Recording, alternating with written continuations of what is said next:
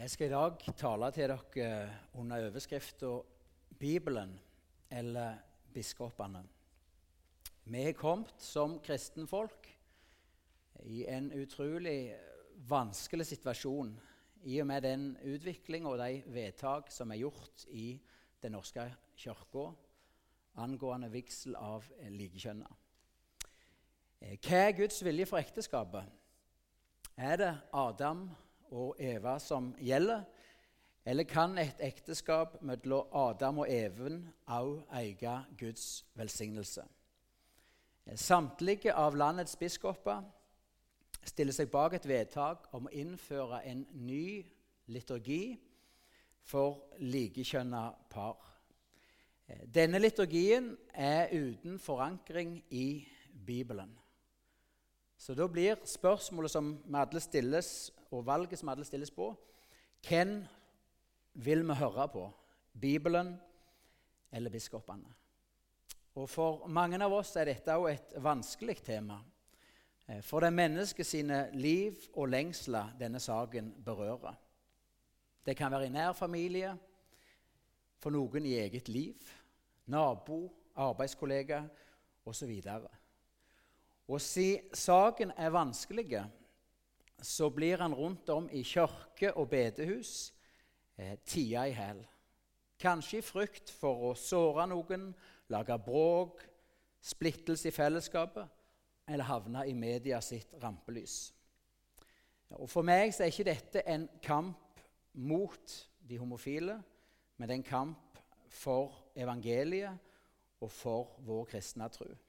Det er en kamp for Guds ord og for Guds gode vilje for ekteskapet. Det er skjedd utrolig raske endringer eh, i Kirka sitt syn på homofilt samliv. Eh, de siste 18 åra har det skjedd en dramatisk endring. I 1997 var det et viktig utvalg som eh, utga en utredning med tittel 'Kirkens enhet og troens fundamenter'. Og Bak eh, denne utredningen så sto de tre biskopene Halvor Bergan, Odd Bondevik og Sigurd Osberg. Eh, og Hele utvalget sto sammen om konklusjonen som lyder å sidestille heterofilt ekteskap med homofilt samliv er i strid med grunnleggende etiske prinsipper i Bibelen og må anses som kirkesplittende vranglære. Sjøl den liberale biskop Osberg sa i 1997 at å innføre det som nå blir innført i kirka, det var kirkesplittende vranglære som var i konflikt med grunnleggende etisk undervisning i Bibelen. Og Dette stilte også samtlige landets biskoper seg bak i 1997. Da så han på dette som så alvorlig at det splitta kirka i to bekjennelser i to kirker. Eh, og Lærerrådet på Menighetsfakultetet de kom med en høringsuttalelse til denne utredninga som et uttrykk for MF sitt samla syn. Og Der sier de bl.a.: Kirken har som oppgave å veilede om Guds vilje og advare mot synd ut fra Guds ord. Homofil atferd er i strid med Guds skapervilje, med referanse til Roman 1,26, uforenlig med kristen livsstil, 1. kor 6,9-11, og i strid med Guds bud, 1. Timotees 1,8-11. Kirken må ut fra dette fastholde at homofilt samliv er synd. Hvorfor har både biskopkollega, lærerrådet på MF, gjort heilomvending i dette spørsmålet på de siste 18 åra? Har en oppdaga nye, avgjørende bibelske argument? Har en sett noe en ikke før så? Eh, svaret på begge disse spørsmålene er nei. Argumentene og den bibelske begrunnelsen har ikke endra seg siden 1997. Bare konklusjonen. Eh, det er ikke bare det nye synet på ekteskap og på homofilt samliv som er vranglære. Men det jeg ser på som den største trusselen i den situasjonen vi befinner oss, det er kompromisset. Det er at to uforenlige syn skal leve i fred sammen i den samme kirka, i den samme menighet, i den samme fellesskapet. Et syn som bekjenner med Bibelens ord, og et syn som bekjenner midt imot Bibelens ord. Det er en sannhet i Bibelen og i skaperverket at ethvert tre bærer frukt etter sitt slag. Et godt tre bærer god frukt, og et dårlig tre bærer dårlig frukt. Mattes 7, 17. Derfor kan vi ikke forvente bibeltruskap som frukt av bibelfornektelse eller fornyelse som frukt av forfall. Og Hvilke muligheter har vi til å bære god frukt i dagens kirkevirkelighet? Vi kan bruke Salme 1 som en tolkningsnøkkel. Der leser vi Salig er den som ikke følger ugudelige menneskers råd, og ikke slår inn på synderes vei eller sitter sammen med spottere, men har sin glede i Herrens lov og grunner på den dag og natt. Han er lik et tre, plantet ved bekker med rennende vann. Det gir sin frukt i rette tid, og løvet visner ikke på det. Alt det han gjør, skal lykkes for han. Her sier Bibelen at det er to ting eh, som er nødvendige for å bære god frukt. For å ikke visne i tøffe tider, for å ikke miste krafta når det er som mest som gjelder. Og Det er for det første at vi grunner på Herrens lov. At vi holder fast på Guds bud, på Guds ord. Og Det neste som skal til, det er at vi bryter fellesskapet med ugudelige mennesker. Ikke sitt i spotteres råd. At vi bryter fellesskap med de som taler Guds ord imot. De som går imot det Gud har sagt.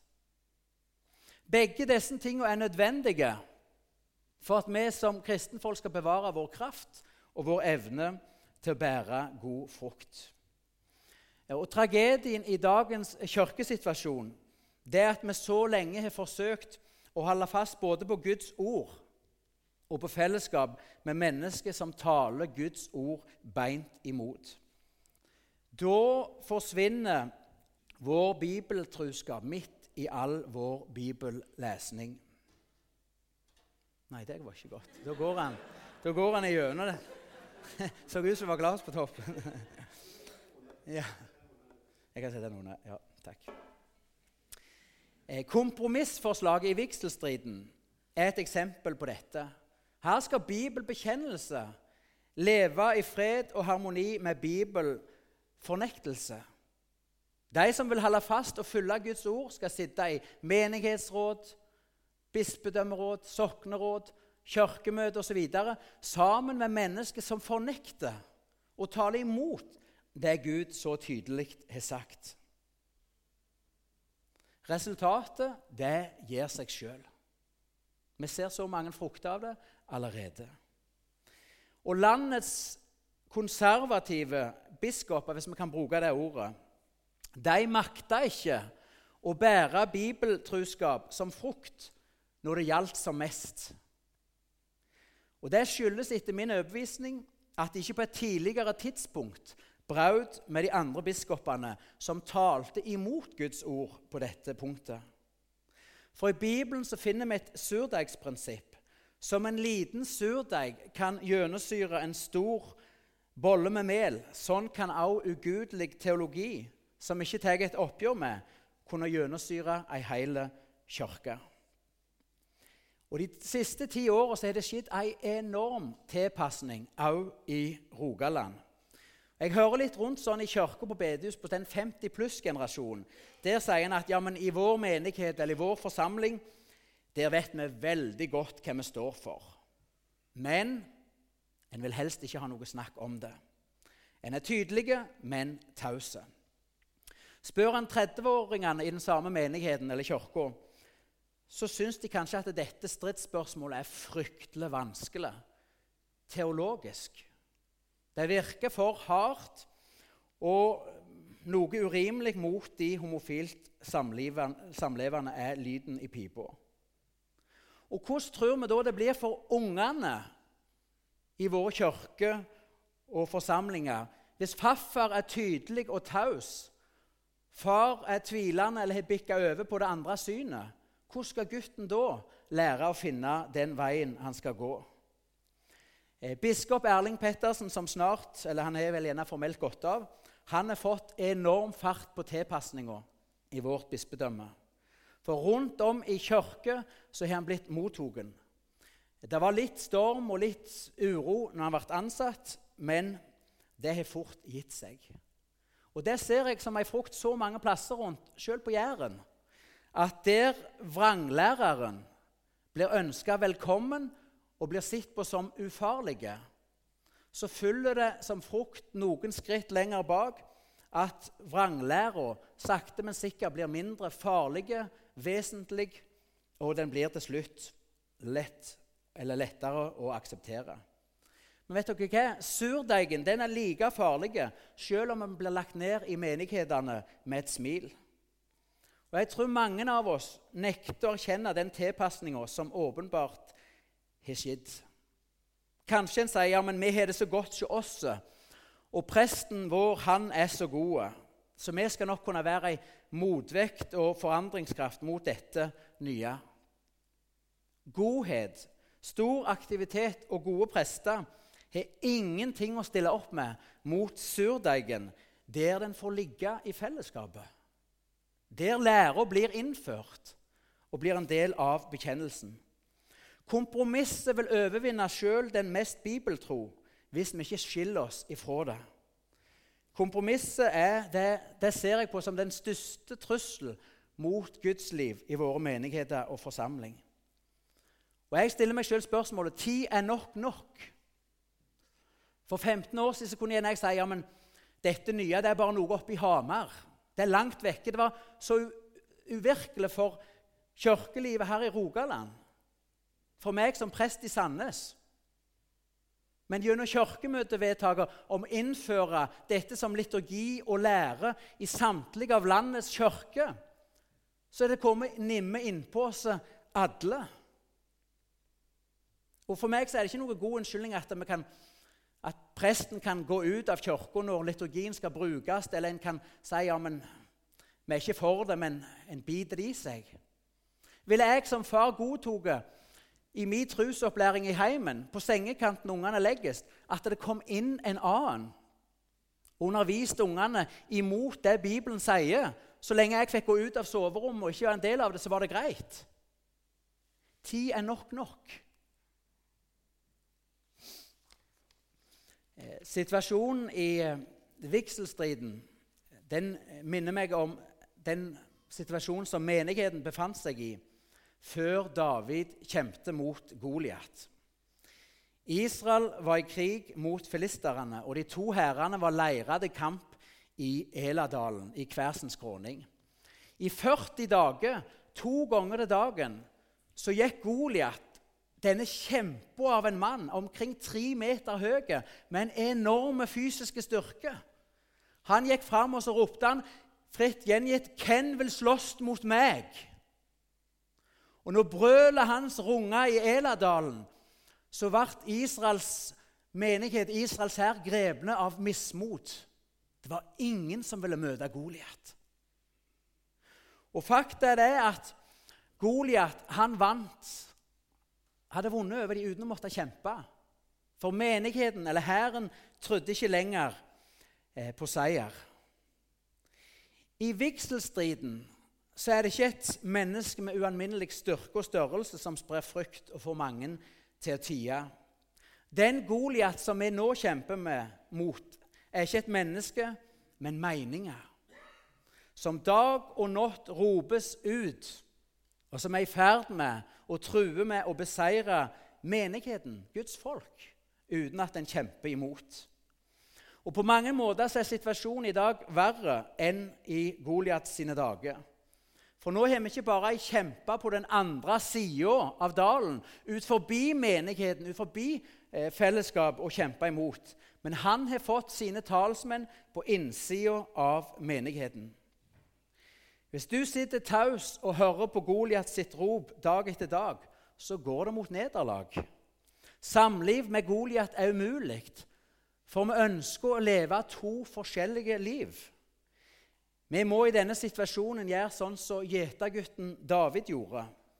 Han hørte på Goliat en gang, Deretter gikk han til bekken, og så fant han fem steiner som han plukket opp. I bekken, Bibelen, der finner du og jeg sannheter, steiner, som vi kan legge i slynga, munnen, og slynge ut tale mot Goliat. Nå skal jeg gi dere fem sånne steiner som vi kan plukke opp i Bibelen. Den første steinen er steinen som heter 'Gud har talt tydelig'. Det hevdes i debatten at det bare taler om to ulike bibeltolkninger. To forsøk på å komme til rette med de bibelske tekstene. Og Da må vi følgelig være ydmyke, for det andre synet kan like godt være rett som vårt eget. Går en til Bibelen for å se hva Gud faktisk har sagt om homofilt samliv, så er den krystallklar. Gud kaller det for synd på lik linje med løgn, baktalelse, misunnelse og mange andre ting. For å komme fram til det standpunkt at Gud velsigner homofilt samliv, og at det er etter hans vilje, så må en se vekk ifra hvert eneste ord Gud har sagt om saken. I 1. Korinterne 6, 9-11 så står det at menn som ligger med menn, skal ikke arve Guds rike. Så ifra Bibelens begynnelse til slutt så er det bare det heterofile ekteskapet mellom mann og kvinne som eier Guds velsignelse og er etter hans vilje. Og Det fins spørsmål i Bibelen som kan være vanskelig å komme til rette med, der det fins et tolkningsrom, men spørsmålet om homofilt samliv er ikke ett av dem. Her bruker Bibelen de sterkeste ord den kan bruke, og den er entydige i sin avvisning av dette form for samliv. Den andre stein som vi kan plukke opp, det er steinen som heter at sannheten setter fri. Goliat vil anklage deg for å være kjærlighetsløse og ute etter å øyelegge andre menneskers liv hvis du står på Bibelens ord i denne saken. Og Nettopp fordi det er menneskets liv det handler om, og som blir berørt, så er det mange som føler seg trua til taushet. Og Det er det som er spillets gang. Hvis en blir taus og ikke lenger våger å bekjenne i lag med Bibelen, så gir en rom for tvilen. Så hvis Goliat klarer å kue menigheten eller Guds folk til å bli tause, til å bite det i seg, så gir en rom til tvilen. Motstandskrafta blir brutt ned. Og En gang jeg talte over dette, så var det ei eldre dame som kom. 'Det var så godt å høre på deg, for jeg hadde begynt å tvile.' Men det er jo dette jeg tror på. Så mange holder sin tro for seg sjøl fordi det er så vondt for Ola eller Kari å høre deres overbevisning. Goliat sitt rop er løgn. Du kjemper ikke mot mennesket, men du kjemper dypest sett for mennesket. Du kjemper for den sannhet som har kraft til å sette mennesket virkelig fri. Evangeliet kaller oss både til omvendelse og til tro. Og Det provoserer mange nå for tida, som er vant med bare å høre halve sannheten, som er omtrent som dette. Gud er god, ta det med ro, begynn å tro. Det koster ikke noe. Og Så er det mye sant i dette, men det koster Gud alt å frelse oss syndere. Og han kaller oss til tru evangeliet, til å legge våre egne liv ned og vende oss vekk ifra det som står hans vilje imot. De gode nyhetene, evangeliet, blir først virkelig gode når vi også får høre de dårlige nyhetene, at vi alle er syndere som trenger Guds tilgivelse. Tredje stein er steinen som heter 'Gud skal dømme'. Romerne 14, 10-12 står det at vi skal alle fram for Guds domstol og avlegge regnskap for vårt eget liv. Goliat han forsøker å psyke deg ut med å kalle deg for dømmesjuk. Du dømmer ingen med å fortelle det Bibelen sier. Dommen tilhører Gud. Og En dag så skal vi fram for hans domstol og avlegge regnskap for vårt eget liv. Og Den dom, dagen så vil Gud også felle en endelig dom i den pågående vigselstriden. Inntil den dagen så skal vi nøye oss med å bedømme alt i lys av det Gud har sagt. Fjerde stein som vi kan plukke opp, er steinen 'Vær sannheten tro i kjærlighet', Efeserne 4,15. Det blir veldig fort harde ord i denne debatten. En kan få utrolig mange anklager mot seg bare for å stå på det Bibelen sier, og det Kirka i 2000 år har stått på og lært. Da er du et gufs ifra fortida. Du er dømmesjuk, du er fanatisk, du er kjærlighetsløs. Det er så mange ting som blir lagt på deg hvis du vil stå for dette. Og Da er det jo en fare for oss at vi kan bli harde. Harde tilbake, hardhjerta tilbake. Og Det er så utrolig viktig at vi er sannheten tru i kjærlighet. Vi kjemper ikke mot mennesket, vi kjemper for mennesket. Og så er det gjerne også eh, på sin plass at vi som kristne kan erkjenne at en kanskje sjøl tidligere har hatt eh, en hardhet imot de homofilt samlevende. Kanskje det har vært feil holdninger i kristne miljøer, der sannheten var uten kjærlighet. Da trenger vi for vår egen del å be om tilgivelse og be om å få det rette hjertet, sånn at vi kan være sannheten tru i kjærlighet. Bli ikke trøtt av å si det som er sant, men si det i kjærlighet. Sannheten er sterkere enn løgnen. Men en sannhet som blir for tida, har liten kraft og påvirkning på en løgn som blir ropt ut fra morgen til kveld. Vær trufast mot Gud og Hans ord der kampen nå raser. Og Den femte steinen vi kan plukke opp, det er steinen som heter at Gud er større enn Goliat.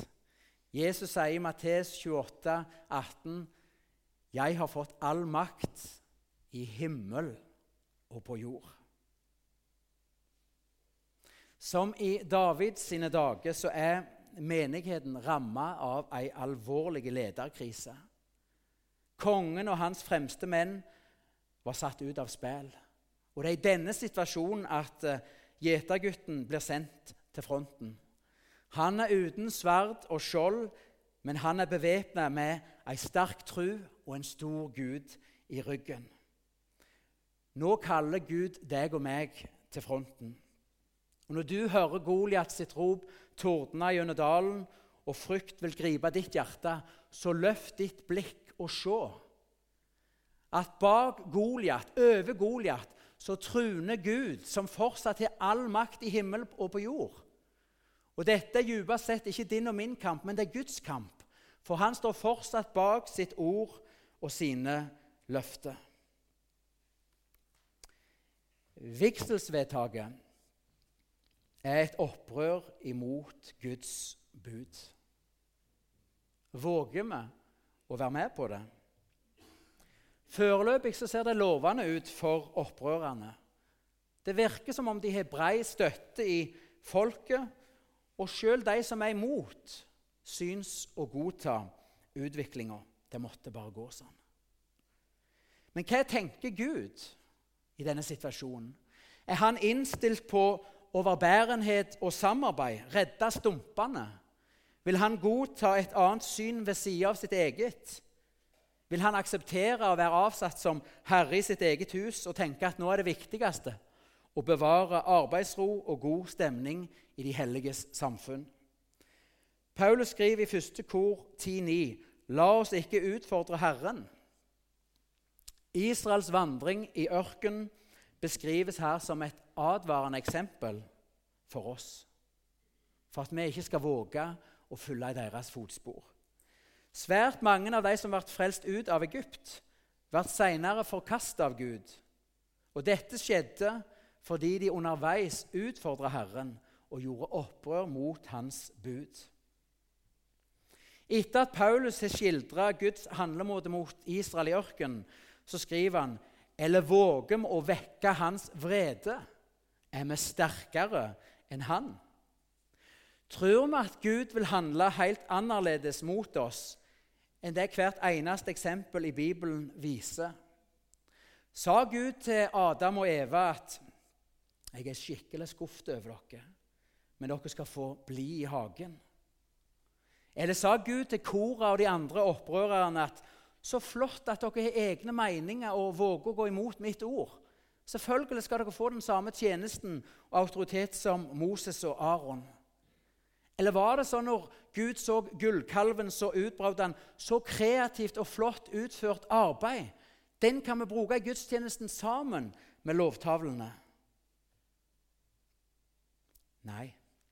Adam og Eva ble jagt ut av hagen. Jorda åpna seg og slukte Kora og de andre som fulgte han. Og gullkalven, den var knust. Dette er skrevet til veiledning for oss, sånn at vi ikke skal våge å utfordre Herren. Jeg tror at mange er med på utviklingen.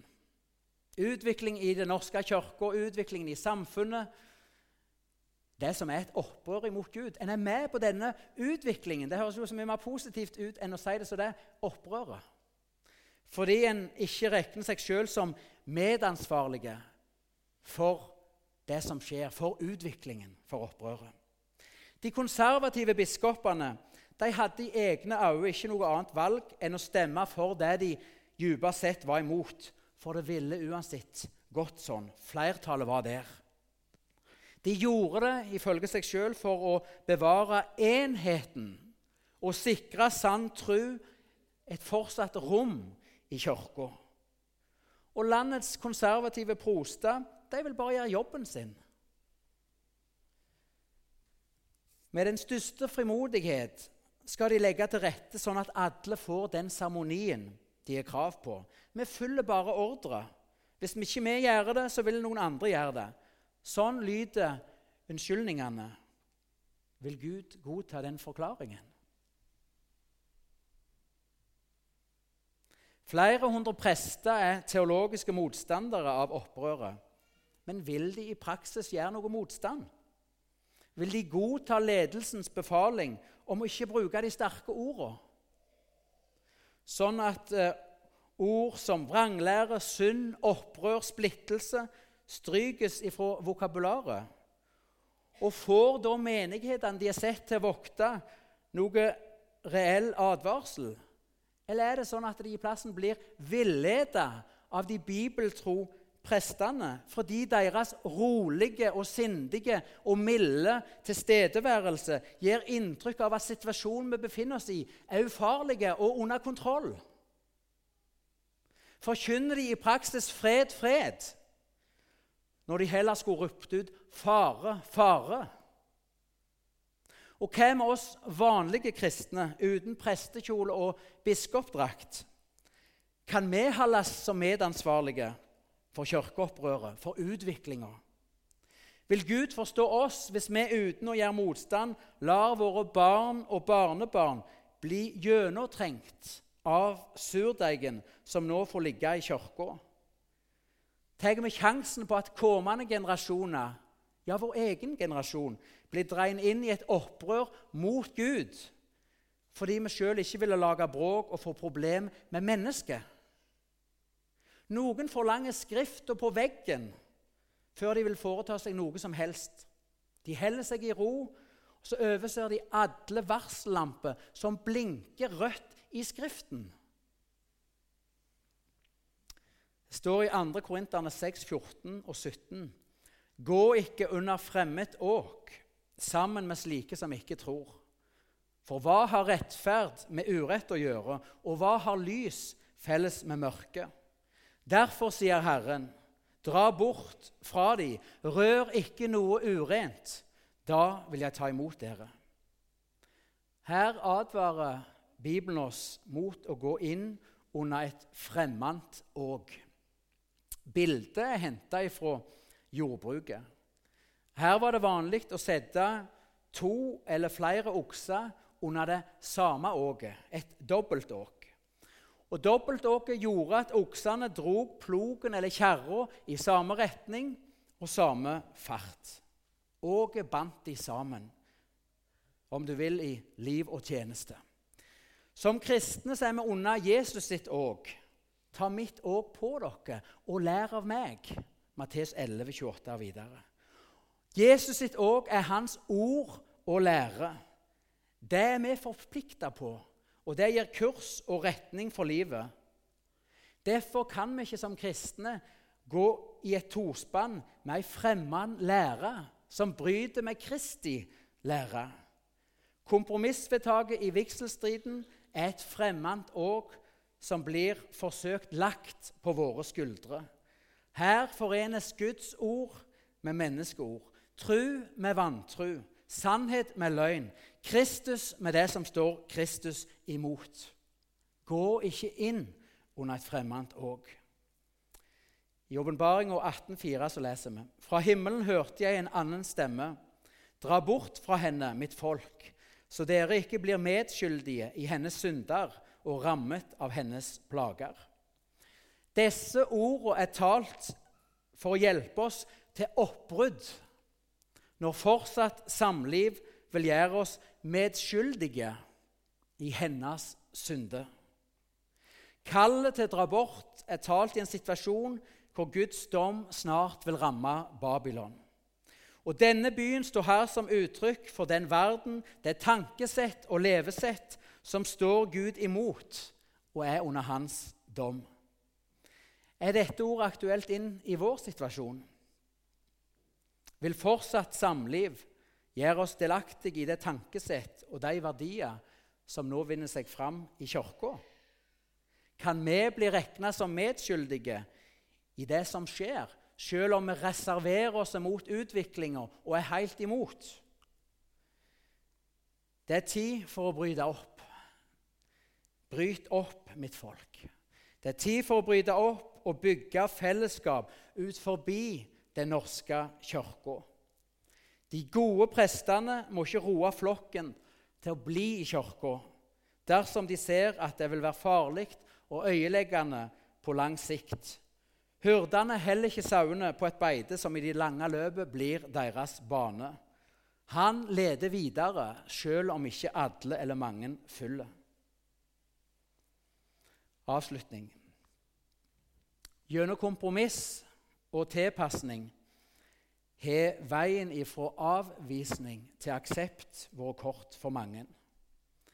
I et historisk perspektiv så er det underlig at så mange i årene 1997 til 2016 skifta syn. For i dette tidsrommet så har det vært et massivt politisk press for å få Kirka til å endre syn. Tilliten til Bibelen som Guds ord er blitt svekka blant oss kristne. Og samfunnets generelle individualisme og opprør mot autoriteter har også nådd Kirka. Og Da er det underlig at så mange oppdaget hva Gud egentlig mente om homofilt samliv nettopp i disse dagene, hvor individets ønske syns å stå over Guds lov. Striden om homofilt samliv handler ikke om et etisk enkeltspørsmål, men rører med bibelsynet. Gir Bibelen klar veiledning i grunnleggende etiske spørsmål? Sånn vi konkluderer her, gir et mønster for bibelbruk og for hvordan vi tenker om forholdet mellom Guds vilje og våre valg. Jesus sier i Lukas 6, 46, 'Hvorfor kaller dere meg Herre, Herre?' og så gjør dere ikke det jeg sier. Historien som følger, tror jeg dere alle kjenner. Det er om to menn som bygger hver sitt hus. Den ene hører og bøyer seg for Jesus sine ord, gjør etter Jesus sine ord, og han bygger et hus som blir stående i stormen, som tåler et møte med Guds dom. Men den disippel som bare har bekjennelsen, men som tar seg frihet til å gå imot et klart ord fra Jesus, han bygger et hus på bare bakken, som stormen en dag legger flatt. Vigselstriden er ikke en brytning mellom to ulike syn, men det er et angrep på Jesus og et forsøk på å få oss til å fornekte Han som Herre ved at vi går imot Hans ord. Noen innvender men hvorfor skal dette få så stor plass? Hvorfor kan vi ikke heller bare konsentrere oss om evangeliet og det til å nå nye. Jeg er helt enig, Det er tragisk at dette har fått så stor plass. At dette har ridd Kirka i år etter år. Det skulle vært enkelt å velge side og ha en klar bekjennelse. Dersom vi ikke våger å ta et opprør med vranglæra, ja, da mister saltet sin kraft. Og Da blir vi ute av stand både til å bygge menighet og drive misjon. Dette angrepet på Guds bud har Gud virkelig sagt. Den grensa han har trukket her, den virker urimelig. Det er tilbake igjen til eden. Det er slettes ikke noe straff forbundet med å gå over den grensa. Sette Guds ord til side her. Han kan umulig ha meint det. Dette angrepet på Guds bud, grensene som han har sett for våre liv, det er også et angrep på sentrum i vår kristne tro, Jesus Kristus. For grensene leder til sentrum. Buda driver oss til Kristus. Guds vilje setter et hellig vern om vårt liv. Det står i første kor 14, 8, Om trompeten gir et utydelig signal, hvem gjør seg da klar til kamp?